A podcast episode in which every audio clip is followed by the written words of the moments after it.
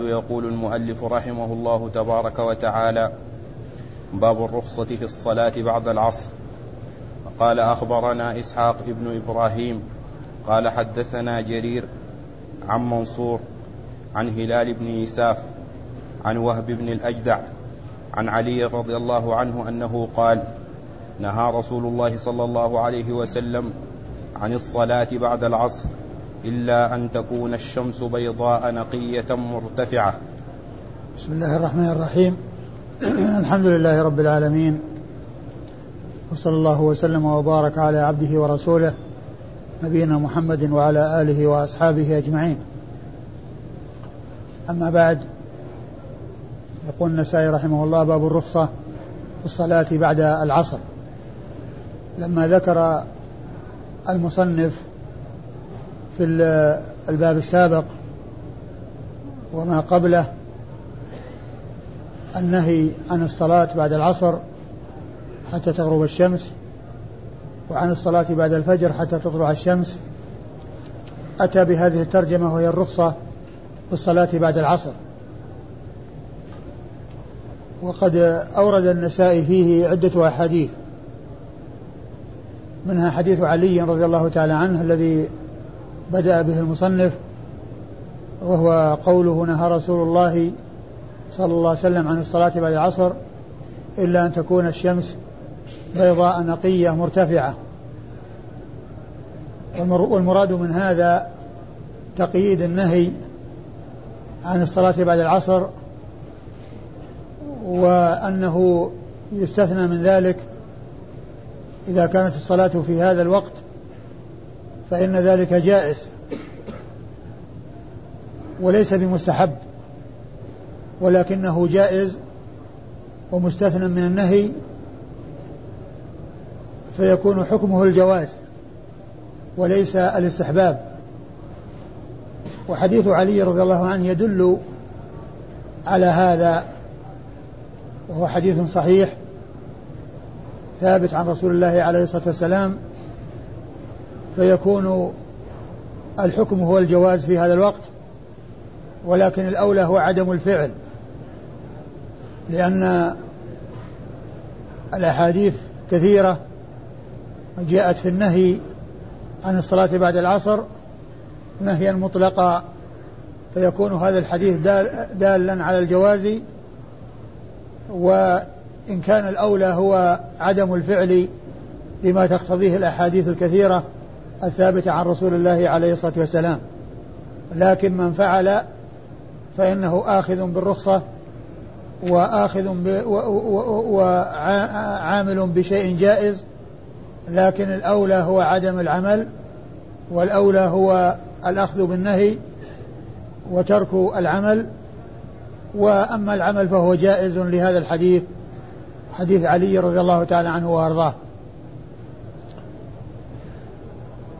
وذلك الوقت هو المقيد بهذا الحديث آه، إذا كانت الشمس بيضاء نقية مرتفعة يعني معناها أنها لم تصل إلى حد الاصفرار وإنما هي في حال شدتها وقوتها وشدة حرارتها وبياضها ونقائها وارتفاعها وعدم تغير لونها وعدم آه، تقدمها في آه، الاتجاه إلى الغروب. إسناد الحديث؟ قال أخبرنا إسحاق وأما إسناد الحديث يقول النسائي أخبرنا إسحاق أخبرنا إسحاق بن إبراهيم. أخبرنا إسحاق. بن إبراهيم. وإسحاق بن إبراهيم هذا هو ابن مخلد المشهور بالراهوية المحدث الفقيه وهو من ممن وصف بأنه أمير أمير المؤمنين في الحديث. وهو وصف رفيع ولقب عال لم يظفر به إلا العدد إلا النادر من المحدثين. ومنهم إسحاق بن إبراهيم بن راهوية هذا.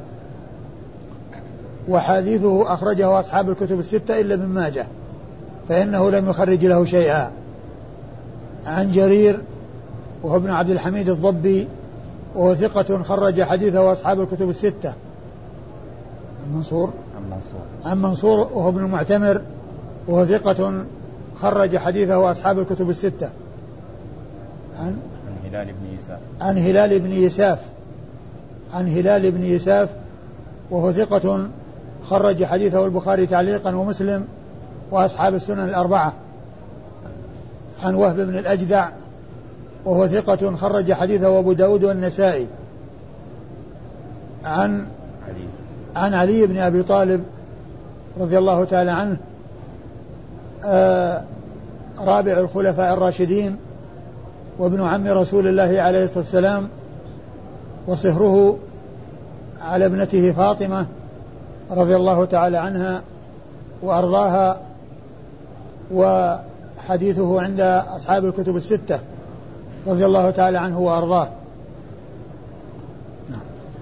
قال أخبرنا عبيد الله بن سعيد قال حدثنا يحيى عن هشام قال أخبرني أبي قال قالت عائشة رضي الله عنها ما ترك رسول الله صلى الله عليه وسلم السجدتين بعد العصر عندي قط.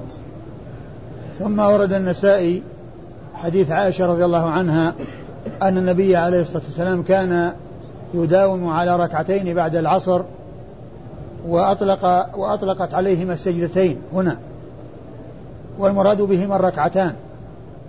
لأن الركعة يطلق عليها سجدة. وقد جاء ذلك في أحاديث كثيرة منها ما مر ذكره قريبا ومنها هذا الحديث الذي فيه قوله ما ترك السجدتين. أي ما ترك الركعتين. فيطلق على الركعة سجدة. ويقال للركعة سجدة. وهنا المراد بالسجدة الركعة وليس المراد آه، بها آه، آه، السجود على الأرض الذي هو جزء من الركعة أو, أو, أو سجدتان وهما جزء وهما جزءان من الركعة. ليس هذا هو المقصود وإنما المقصود الركعتان. معناه أنه يتنفل ويصلي ركعتين. وهاتان الركعتان اللتان كان يصليهما رسول الله عليه الصلاة والسلام. جاء في بعض الأحاديث بيان سببهما وأنه كان يصلي بعد الظهر ركعتين فشغل عن ذلك ولم يتمكن من فعلهما إلا بعد العصر قضاء وكان إذا فعل شيئا لازمه وداوم عليه فكان يداوم على هاتين الركعتين. وهذا الحكم من خصائصه عليه الصلاة والسلام لأنه جاء عن أم سلمة رضي الله تعالى عنها أنها سألت رسول الله عليه الصلاة والسلام قالت أفنقضيهما إذا فاتتنا؟ قال لا. فدل هذا على أن هذا من خصائصه يعني كونه يعني آه, آه، كونه آه قضى هاتين الركعتين اللتين كان يصليهما بعد الظهر قضاهما بعد العصر وداوم على هذا الذي فعله قضاء في يوم من الأيام داوم عليه وكان إذا فعل شيئا داوم عليه هذا من خصائصه عليه الصلاة والسلام لما جاء في حديث أم سلمة رضي الله تعالى عنها الدال على أن ذلك لا يكون للأمة والدال على أنه من خصائص الرسول الكريم صلوات الله وسلامه وبركاته عليه. أما إسناد الحديث فيقول النسائي أخبرنا قتيبة بن سعيد. قتيبة بن عبيد الله بن أخبرنا؟ عبيد الله بن سعيد. أخبرنا عبيد الله بن سعيد. يقول النسائي أخبرنا عبيد الله بن سعيد وهو اليشكري السرخسي وهو ثقة مأمون سني. هكذا قال عنه الحافظ في التقريب وقيل له سني لأنه أظهر السنة في بلاده سرخس وهو ثقة خرج حديثه البخاري ومسلم والنسائي. خرج حديثه البخاري ومسلم والنسائي عن قال حدثني يحيى. قال حدثني يحيى وهو بن سعيد القطان المحدث الناقد الثقة وحديثه أخرجه أصحاب الكتب الستة. عن هشام عن هشام. عن هشام بن عروة ابن الزبير وهو ثقة آه، خرج حديث ثقة فقيه ربما دلس وحديثه أخرجه أصحاب الكتب الستة.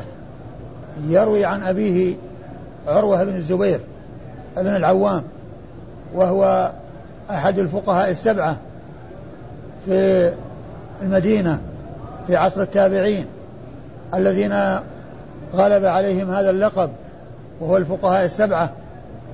فعندما يأتي ذكر مسألة من المسائل التي اتفقوا عليها يقول يقال قال بها الفقهاء السبعة.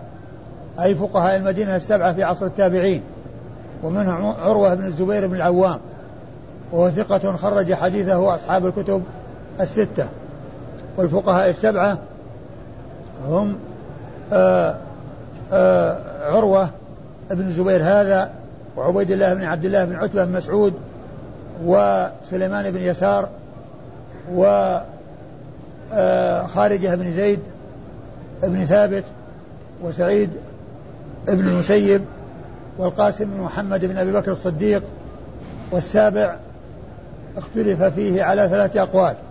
فمنهم من جعل السابع أبو بكر بن عبد الرحمن بن حارث بن هشام ومنهم من جعل السابع أبو سلمة بن عبد الرحمن بن عوف ومنهم من جعل السابع سالم بن عبد الله بن عمر وعروة بن الزبير هو أحد الفقهاء السبعة بالاتفاق. لا خلاف في عده في الفقهاء السبعة وحديثه وهو ثقة خرج حديثه أصحاب الكتب الستة.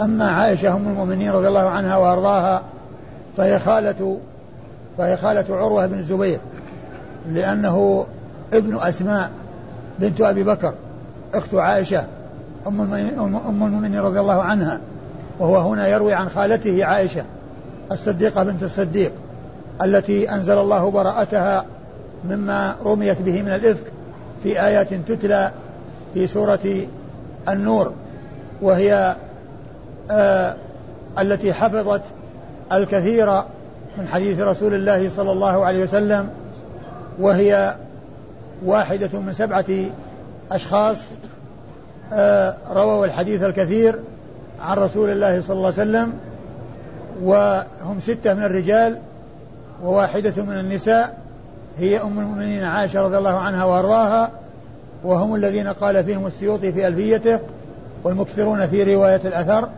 أبو هريرة يليه بن عمر وأنس والبحر كالخدري وجابر وزوجة النبي. فالمراد بزوجة النبي عائشة رضي الله عنها وأرضاها. وقال أخبرني محمد بن قدامة قال حدثنا جرير عن مغيرة عن إبراهيم عن الأسود أنه قال قالت عائشة رضي الله تعالى عنها ما دخل علي رسول الله صلى الله عليه وسلم بعد العصر إلا صلاهما. ثم ذكر النسائي حديث عائشة من طريق أخرى وهو بمعنى ما تقدم أن الرسول صلى الله عليه وسلم ما دخل عليها بعد العصر إلا صلاهما أي الركعتين والذين عبرت عنهما في الحديث السابق أو بالرواية السابقة بالسجدتين. فهو بمعنى ما تقدم وذكرت أن هذا من خصائصه لما جاء في حديث أم سلمة حيث قالت فنقضيهما إذا فاتتا يا رسول الله؟ قال لا. وإسناد الحديث يقول النسائي أخبرنا محمد بن قدامة. أخبرنا محمد بن قدامة هو المصيصي وهو ثقة خرج له أبو داود والنسائي. شفت تأكد من هذا صحيح. أبو داود والنسائي؟ إيه. خرج له أبو داود والنسائي. أيوه. قال حدثنا جرير. قال حدثنا جرير وهو ابن عبد الحميد الضبي وهو ثقة خرج حديثه أصحاب الكتب الستة. عن مغيرة. عن مغيرة بن مقسم الضبي مغيرة بن مقسم الضبي وهو ثقة خرج حديثه أصحاب الكتب الستة. عن إبراهيم. عن إبراهيم وهو ابن يزيد بن قيس النخعي المحدث الفقيه المشهور وهو الذي قال عنه ابن القيم في كتابه إعلام في كتابه زاد المعاد إن أول من حفظ عنه في الإسلام أنه عبر بعبارة ما لا نفس له سائلة لا ينجس الماء إذا إذا مات فيه أن أول من عبر بهذا التعبير إبراهيم النخعي وعنه تلقاها أي تلقاه أي هذا التعبير الفقهاء من بعده. يعني كونه يطلق, يطلق أو أطلق على ما لا نفس له سائل كالجراد والذباب وغيرها مما لا دم له سائل الذي عبر بهذا التعبير هو إبراهيم النخعي. هذا وعنه وعنه تلقى هذه وعنه تلقى الفقهاء هذه العبارة أو هذا التعبير. ما لا نفس له سائلة لا ينجس الماء إذا مات فيه. وإبراهيم النخعي محدث فقيه كما, كما ذكرت. وحديثه أخرجه أصحاب الكتب الستة. عن, عن الأسود. عن الأسود يروي عن خاله الأسود بن يزيد بن قيس النخعي وهو ثقة مخضرم حديثه أخرجه أصحاب الكتب الستة. عن عائشة. عن عائشة. عن عائشة وقد مر ذكرها في الإسناد الذي قبل هذا. وقال أخبرنا إسماعيل بن مسعود. عن خالد بن الحارث عن شعبة عن أبي إسحاق أنه قال سمعت مسروقا والأسود قالا. نشهد على نشهد على عائشة رضي الله عنها أنها قالت كان رسول الله صلى الله عليه وسلم إذا كان عندي بعد العصر صلاهما. ثم أورد النسائي حديث عائشة من طريق أخرى وهو بمعنى ما تقدم أن النبي, أن النبي صلى الله عليه وسلم إذا كان عندها بعد العصر صلاهما أي الركعتين أو السجدتين. وإسناد الحديث أخرج أخبرنا إسماعيل بن مسعود. أخبرنا إسماعيل بن مسعود وهو ال وهو وهو بصري ثقة خرج حديثه النسائي وحده. خرج حديثه النسائي وحده وكنيته أبو مسعود. اسمه يوافق كنيته توافق اسم أبيه فهو أبو مسعود ويقال له ابن مسعود فتوافق كنيته اسم أبيه. وهذا من أنواع علوم الحديث التي يحتاج إلى معرفتها لأن من لا يعرف قد يتوهم التصحيف فيما لو جاءت ابن بدل أبو أو أبو بدل ابن فإن من لا يعلم أن اسم أبيه مسعود وكنيته مسعود يظن أن فيه تصحيف بين ابن وأبيه. وهو ثقة خرج حديثه النسائي. أيوه. عن خالد بن الحارث. أخبرنا خالد بن الحارث وهو ثقة خرج حديثه أصحاب الكتب الستة. عن شعبة. عن شعبة بن الحجاج وهو ممن وصف بأنه أمير المؤمنين في الحديث. أمير المؤمنين في الحديث وهو من أعلى صيغ التعديل. وحديثه خرجه أصحاب الكتب الستة. عن أبي إسحاق. عن أبي إسحاق السبيعي وهو عمرو بن عبد الله الهمداني وهو ثقة يدلس وحديثه أخرجه أصحاب الكتب الستة. عن عن الأسود؟ قال سمعت مسروقا والأسود. قال سمعت مسروقا والأسود يقول أن نشهد على عائشة أنها قالت أن النبي صلى الله عليه وسلم إذا كان عندها صلى هما إذا كان عندها بعد العصر صلاهما أي الركعتين. والأسود هو الذي مر ذكره في الإسناد الذي قبل هذا الأسود بن يزيد بن قيس النخعي ومسروق هو بن أجدع وهو ثقة فقيه حديثه أخرجه أصحاب الكتب الستة.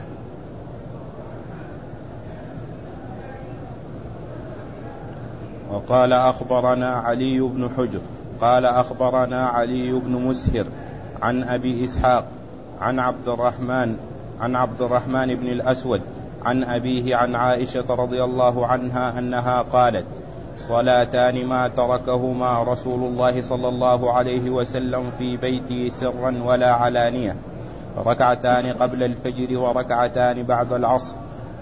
ثم أورد النسائي حديث عائشة من طريق أخرى أن النبي عليه الصلاة والسلام قال أن أن عائشة رضي الله عنها قالت ركعتان آه ما تركها ما رسول الله صلى الله عليه وسلم في سر ولا علانية ركعتان قبل الفجر وركعتان بعد العصر وركعتان بعد العصر.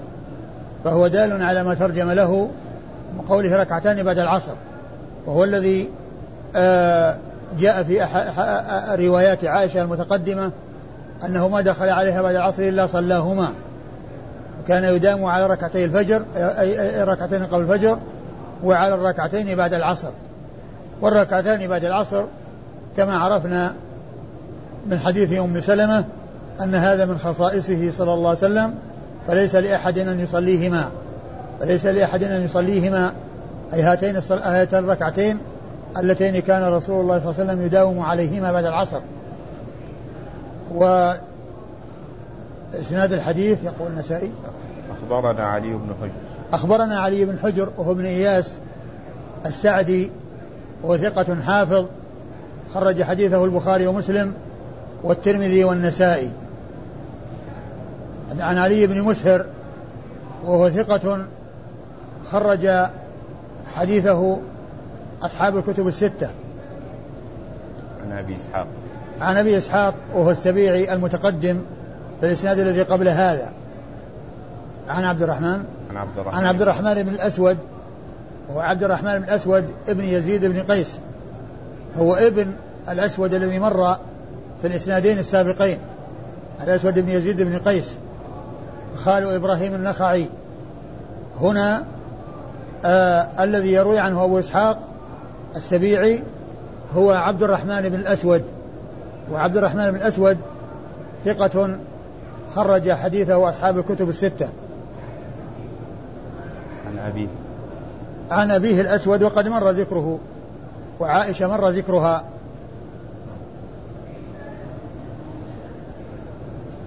وقال أخبرنا علي بن حجر قال حدثنا إسماعيل قال حدثنا محمد بن أبي حرملة عن أبي سلمة أنه سأل عائشة رضي الله عنها عن السيدتين اللتين كان رسول الله صلى الله عليه وسلم يصليهما بعد العصر فقالت إنه كان يصليهما قبل العصر ثم إنه شغل عنهما أو نسيهما فصلاهما بعد العصر وكان إذا صلى صلاة أثبتها. ثم ورد النسائي حديث عائشة. حديث عائشة. حديث عائشة رضي الله عنها. من الذي يروي عنها؟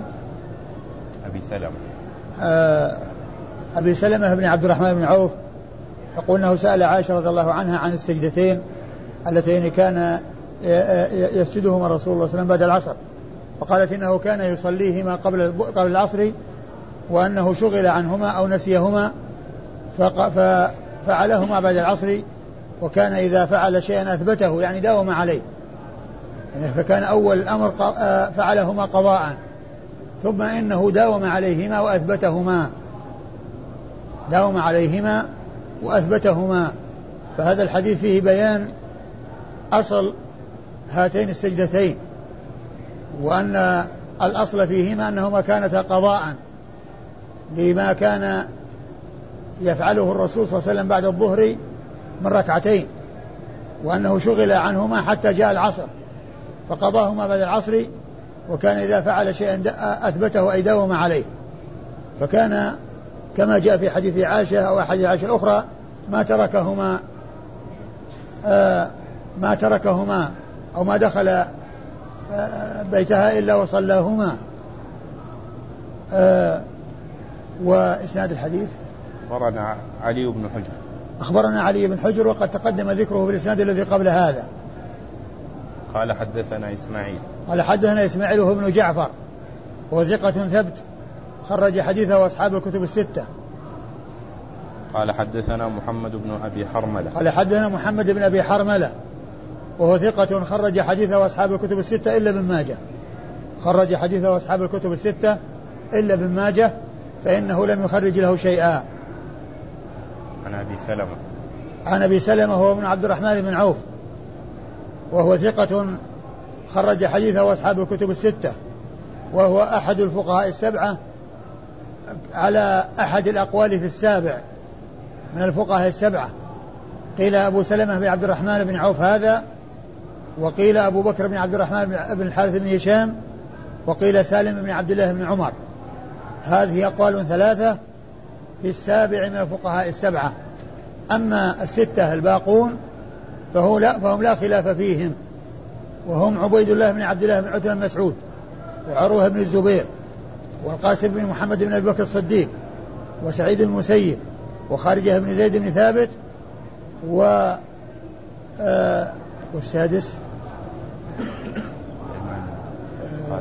وسليمان بن يسار.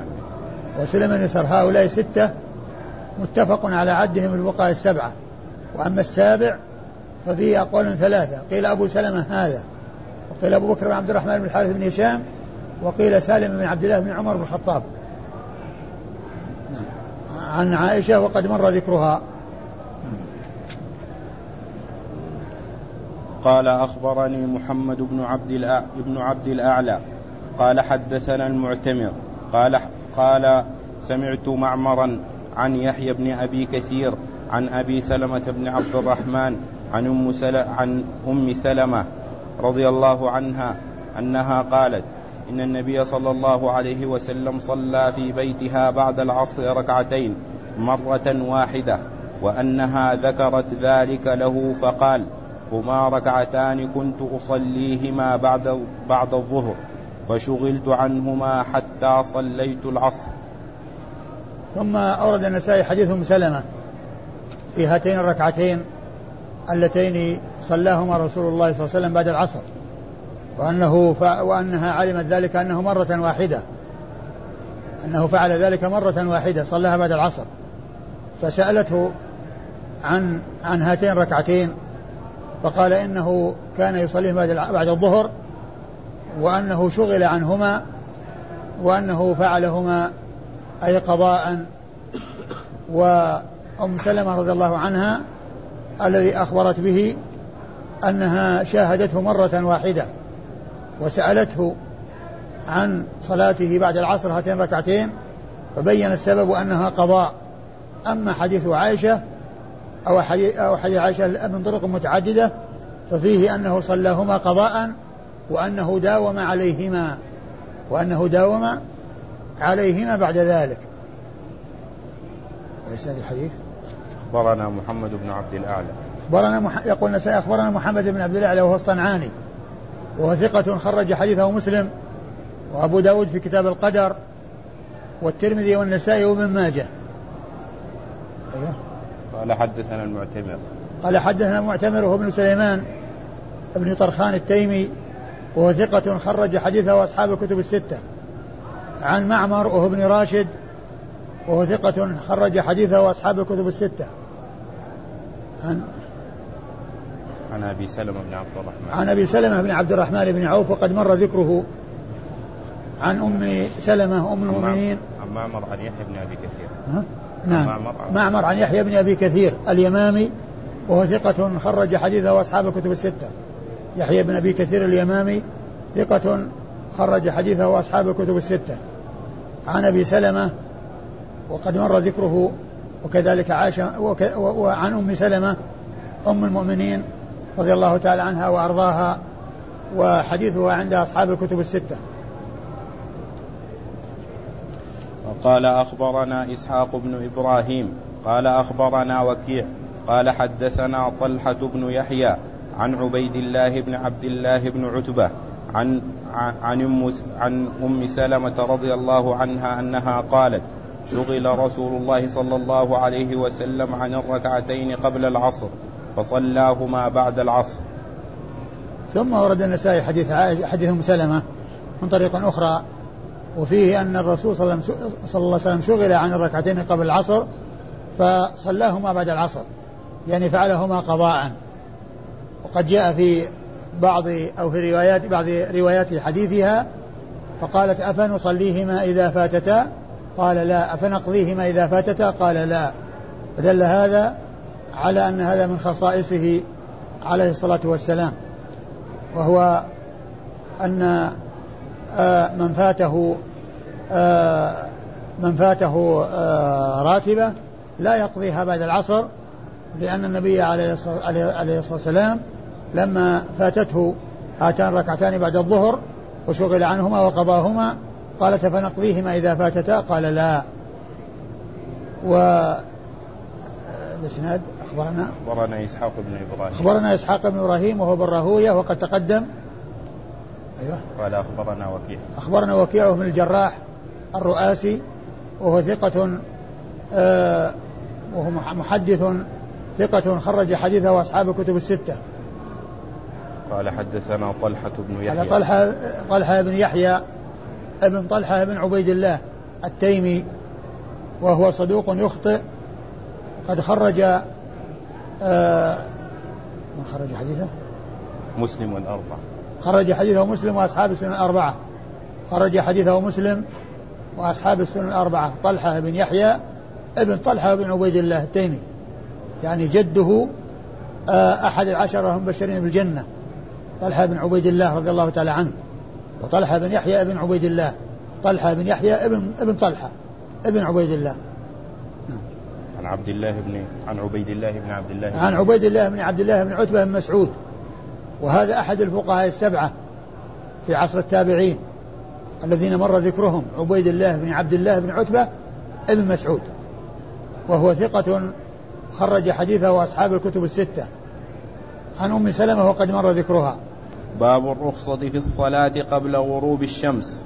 وقال أخبرنا عثمان بن عبد الله قال حدثنا عبيد الله بن معاذ قال حدثنا أبي قال حدثنا عمران بن حدير قال سألت لاحقا عن الركعتين قبل غروب الشمس فقال كان عبد فقال كان عبد الله بن الزبير يصليهما فأرسل إليه معاوية ما هاتان الركعتان عند غروب الشمس.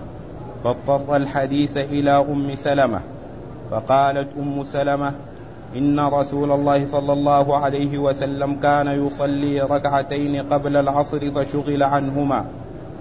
فركعهما حين غابت الشمس. فلم أره يصليهما قبل قبل ولا بعد. ثم ورد النسائي هذه الترجمة باب الرخصة الصلاة قبل غروب الشمس. قد ورد النسائي في حديث أم سلمة رضي الله عنها وهو متعلق أو هو هو معنى ما تقدم في حديثها السابق من أن الرسول صلى الله عليه وسلم شغل عن الركعتين وأنه صلاهما قبل غروب الشمس أو حين غربت الشمس يعني قبل الغروب ليس عند الغروب وإنما هو يعني قبل الغروب. وهو بمعنى حديثها المتقدم. وأنه ما صلاهما قبل ولا بعد. يعني معناه أنه صلاهما مرة واحدة كما جاء عنها في الرواية السابقة مرة واحدة. ما صلاهما قبل ولا بعد يعني في بيتها وعندها. وأما وأما عائشة رضي الله عنها فأحاديثها آه، أو حديثها من طرق متعددة على أنه داوم عليهما أو كان يداوم عليهما عليه الصلاة والسلام.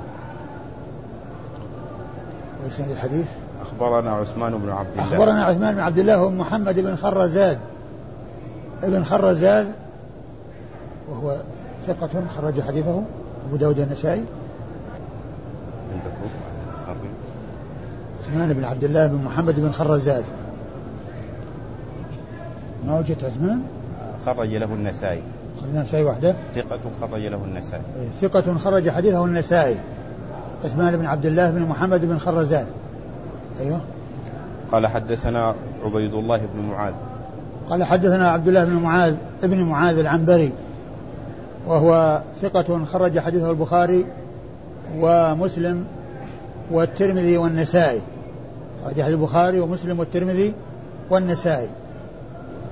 تأكد قال حدثني أبي. تأكد من هذا؟ عبد الله بن معاذ بن معاذ. ومكتوب عبيد الله يا شيخ. إيش؟ مكتوب عبيد الله عبيد الله قلنا عبد الله ولا عبيد الله الموجود عندك عبيد الله ولا عبد الله؟ عبيد الله بن معاذ. نعم عبيد الله نعم. عبيد الله. بن معاذ في الآخر عبيد الله بعد بعد الأسماء لعبد الله وعبد الرحمن وعبد العزيز كله. عبيد الله بن معاذ بن معاذ بن نصر بن حسان أيوه. العنبري. أيوه. خرج حديثه من؟ البخاري ومسلم وأبو داود والنسائي. أيوه. خرج حديثه البخاري ومسلم وأبو داود والنسائي. وهو ثقة. أيوه. أما أبوه معاذ بن معاذ العنبري فهو ثقة متقن وحديثه أخرجه أصحاب الكتب الستة. قال حدثنا عمران بن حدير. قال حدثنا عمران بن حدير. إيش قال فيه؟ من خرج له؟ عمران بن حدير خرج له مسلم وأبو داود والترمذي والنسائي. ثقة. ثقة. ثقة ثقة يقول. ثقة خرج حديثه مسلم وابو داود والترمذي والنسائي. مسلم وابو داود والترمذي والنسائي. يعني ما خرج له البخاري ولا خرج له ابن ماجه. أيوه. قال سألت قال سألت لاحقا عن سألت لاحقا وهو لاحق ابن حميد آه، أبو مجلز وهو ثقة خرج حديثه أصحاب الكتب الستة.